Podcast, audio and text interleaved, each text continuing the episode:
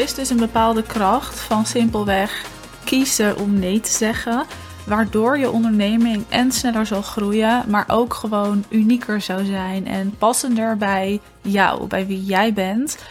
Maar dus ook dat het veel moeilijker is voor anderen om dat over te nemen. Dus de kracht van het kiezen van het niet doen, dat is ook heel krachtig.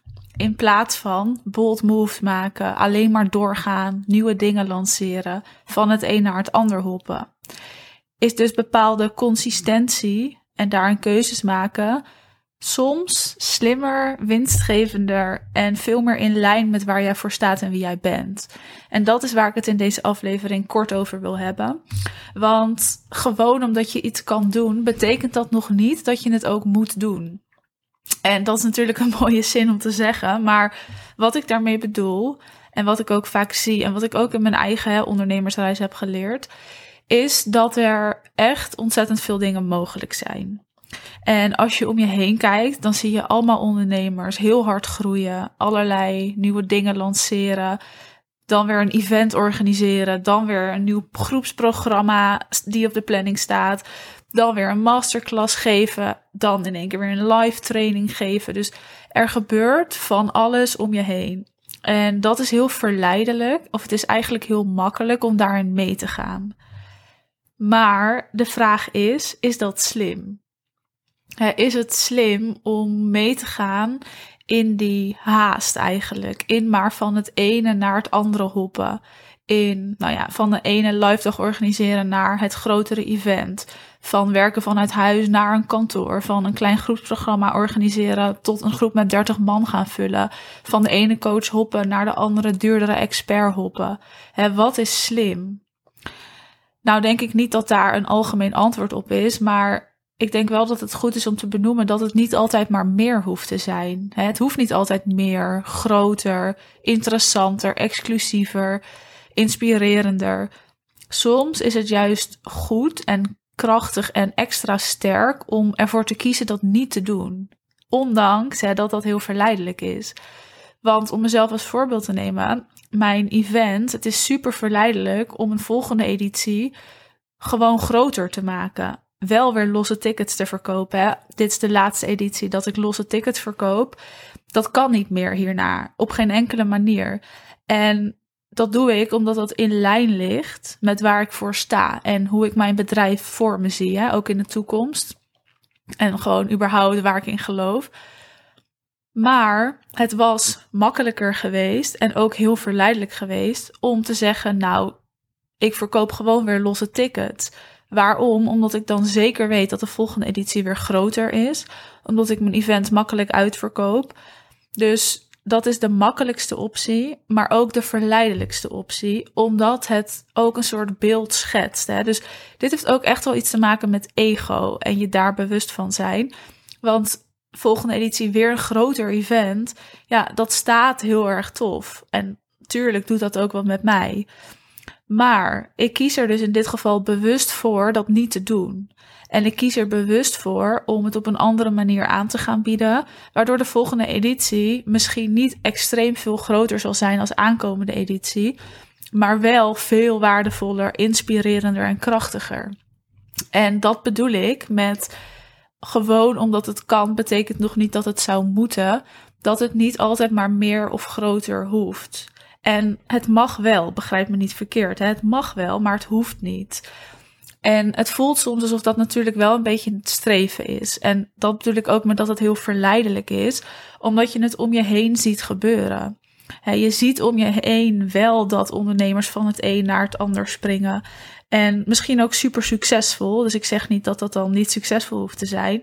Maar dat kan ook een teken zijn van dat iemand niet helemaal weet waar hij mee bezig is. En gewoon maar van alles doet. Het kan ook een hele bewuste keuze zijn. Dus hier zit die tweestrijd in. Je mag er ook voor kiezen om dat bewust wel te doen. Omdat dat passend is, omdat dat in lijn ligt en omdat het aanbod wat je dan elke keer aanbiedt ook kloppend is. Maar gewoon omdat dat kan, betekent nog niet dat dat ook hoeft of dat dat moet. Dus je mag veel meer gaan kijken naar wat is het juiste pad in jouw onderneming en hoe kom ik ook hè, en in contact met die klanten, warm ik die leads op En hoe zorg ik dat dat allemaal in lijn ligt met elkaar in plaats van maar naar het een, naar het ander en weer door. Want dat is ook een soort red race letterlijk waar je dan in komt. En dat wil je eigenlijk voorkomen. Dus het is altijd gewoon goed om na te denken. Doe jij wat je aan het doen bent omdat jij dat echt wil en omdat jij daarnaar verlangt en dat passend is? Of zet je die stap vanuit een bepaald beeld wat wordt geschetst, of misschien wel een stukje ego? En als je dat jezelf elke keer gaat afvragen, dan ga je andere keuzes maken. Maar ook keuzes die veel passender zijn. Hè? En ook een mooi voorbeeld. Een tijdje geleden was ik aan het eten met een onderneemster. En zij zei heel mooi dat zij toen ze startte, volgens mij, met ondernemen wel de droom had om ook grotere events te organiseren. En nu, nu ze verder is in haar onderneming en aan het ondernemen is en haar expertise deelt, dat die behoefte er eigenlijk helemaal niet meer is. En niet omdat ze dat niet kan, hè, maar gewoon omdat ze nou, misschien wel voelt dat dit dus niet meer helemaal in lijn ligt met wat zij wil en waar zij voor staat. En het is super krachtig als je dat kan uitspreken.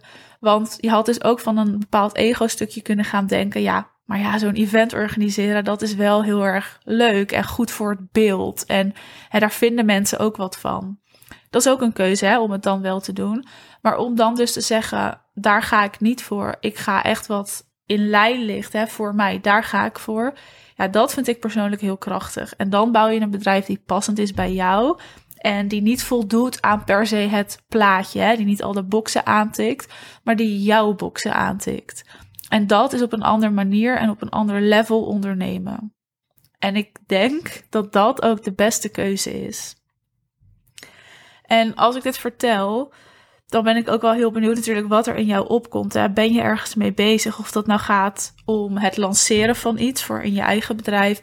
Misschien dus wat ik zei, werken met een coach en dan weer naar een duurdere expert om alsmaar te groeien. En is dat dus nodig of doe je dat om aan een bepaald plaatje te voldoen? En daarover nadenken af en toe, dat lijkt me heel verstandig. Gewoon om bij jezelf te blijven. Want anders staat er straks een mega winstgevend bedrijf. Heb je van alles gedaan en georganiseerd en gelanceerd.